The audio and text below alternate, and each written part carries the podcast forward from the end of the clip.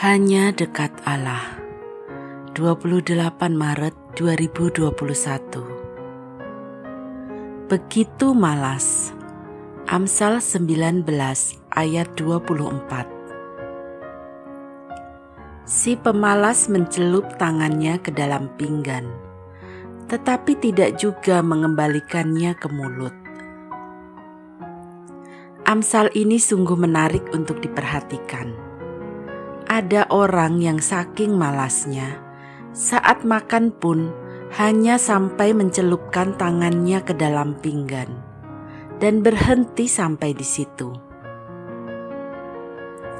Dalam Alkitab Bahasa Indonesia masa kini tertera, ada orang yang malas bukan kepalang, menyuap makanan ke mulutnya pun ia enggan.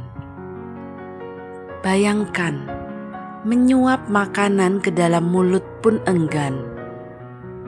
Padahal makanan adalah salah satu kebutuhan primer manusia. Tanpa makan, manusia akan kelaparan dan akhirnya mati. Nah, kalau ke dalam mulut sendiri pun enggan, bagaimana mungkin kita berharap dia mau melakukan tindakan itu untuk orang lain? Pertanyaannya, mungkinkah ada orang macam begini? Terkesan absurd memang. Namun, kita bisa memperluas pengertian Amsal ini. Pada kenyataannya, ada orang-orang yang tidak mau melanjutkan pekerjaannya hingga selesai. Dia mutung. Tentu orang itu punya alasan.